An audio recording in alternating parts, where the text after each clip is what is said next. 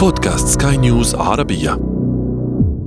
طابت أوقاتكم مستمعينا الكرام معكم إيمان جبور. أرحب بكم في بودكاست الحياة رواية. نخوض اليوم في الهجرة غير القانونية. متابعة طيبة الحياة رواية. وحكم الله بهجرة الوطن. وطالما ابتلى بها أهل الفطن. يقول أمير الشعراء أحمد شوقي نتحدث اليوم عن هجرة الأوطان. تلك الهجرة غير الشرعية وإن لم نتفق مع التسمية. سيكون العشب كثيفا والأشجار ملأى بالفاكهة. سيتدفق الذهب إلى قاع الجداول وستعكس مقالع الماس أشعة الشمس. كل شيء سيكون ناعما هناك وستمضي الحياة مثل مدعبة رقيقة. الإلدورادو كان مرسوما في أعماق أعينهم تاقوا إلى ذلك إلى أن انقلب قاربهم. وفي ذلك كانوا أغنى منك ومني أعماق أعيننا جافة وحياتنا فاترة. أقرأ لكم من رواية إلدورادو للكاتب الفرنسي لوران غودي على الرغم من قساوة الموضوع تحمل سطور غودي كثيرا من الشاعريه والتعاطف ومع أنه يضع الاصبع على موضع الجرح في تناوله لمأساة المهاجرين غير القانونيين لكنه يفعل ذلك بإنسانية عميقة واحترام لكل المصائر المحطمة مصائر تتشابك بشكل مأساوي.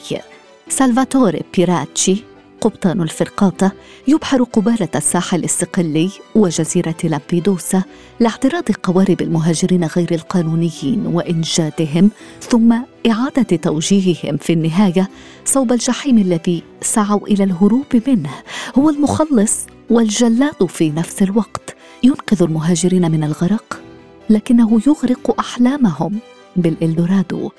ثم هناك سليمان الشاب السوداني الحالم بحياة أفضل يتخذ قرار الاقتلاع المفجع يغادر بلده وعائلته لركوب قوارب الموت متطلعا بأمل نحو فردوس أوروبي. رواية من صلب جحيم قوارب الموت تمنح مفاتيح الفهم التي لن تجدها في التغطيات الصحفية ونشرات الأخبار وكل ما يدعي. نقل معاناة المهاجرين. ورواية تجعل المرء عاجزا عن الكلام. ومع ذلك علينا إيجاد الكلمات لنتحدث عن هذا النص القوي الذي ينقل قارئه إلى ما هو أبعد من العاطفة. هذا النوع من الروايات نريدها بين جميع الأيدي وفي كافة برامج التدريس نود تشريحها ومناقشتها على جميع وسائل الإعلام. Échoués وتجوز ترجمتها ب المنجرفون رواية الصحفي والكاتب الفرنسي باسكال مانوكيان. واقع خشن لتهيئة المشهد والتعرف على أبطال هذه الرواية. ثلاثة مهاجرين غير شرعيين وصلوا إلى فرنسا في عام 1992 لم يكن لدى أي منهم خيار. لا فيرجل ابن مولدوفا التي سحقت تحت وطأة سنوات من الدكتاتورية الشيوعية ولا أسان الصومالي المصمم على إنقاذ ابنته الوحيدة من كل أسرته التي نجت من حرب أهلية طاحنة ولا شانشال البنغالي الذي عاش البؤس مثل باقي الفلاحين أبناء جلدته الذين أهلكتهم الكوارث الطبيعية وأجبروا على التكدس في مصانع النسيج في العاصمة. ثلاثتهم شدوا الرحال في ظروف أليمة. غرقين في الديون مدفوعين بغريزة البقاء التي جعلتهم يتحملون كل شيء. يقول الكاتب لا يمكنك أن تطلب من العطشه أن يعيشوا بالقرب من نبع دون أن يأتوه لإرواء عطشهم حتى إن كان محاطا بجدار من الأسلاك الشائكة. حاجة العطش أقوى. في مايو 2001 26 شخصا خرجوا لشق طريقهم إلى الولايات المتحدة بشكل غير قانوني. خرجوا من المكسيك صوب صحراء جنوب أريزونا في الولايات المتحدة الأمريكية عبر ممر صحراء وعره صحراء لا ترحم عبر ما يصطلح عليه ب The Devil's Highway أو طريق الشيطان. وهو بالمناسبة عنوان هذه الرواية للكاتب المكسيكي الأمريكي لويس ألبرتو أوريا.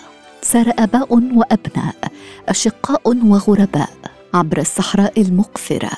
صحراء يهابها حتى حرس الحدود الذين يتجنبون الاقتراب منها. ستة وعشرون دخلوا طريق الشيطان واختبروا الجحيم. اثنا عشر منهم فقط نجوا من الهلاك.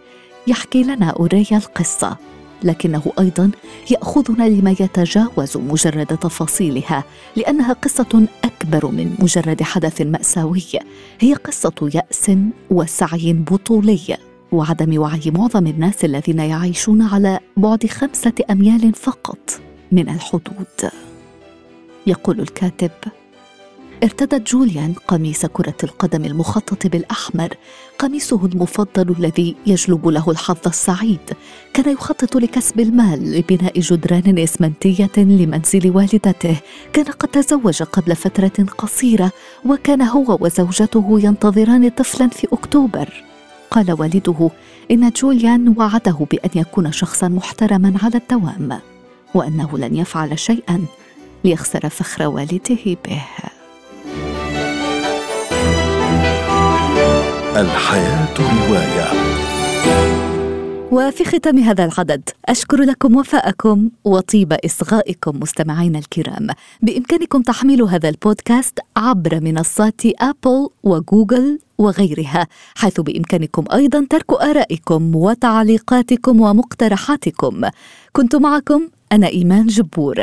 يتجدد لقاؤنا في العدد المقبل.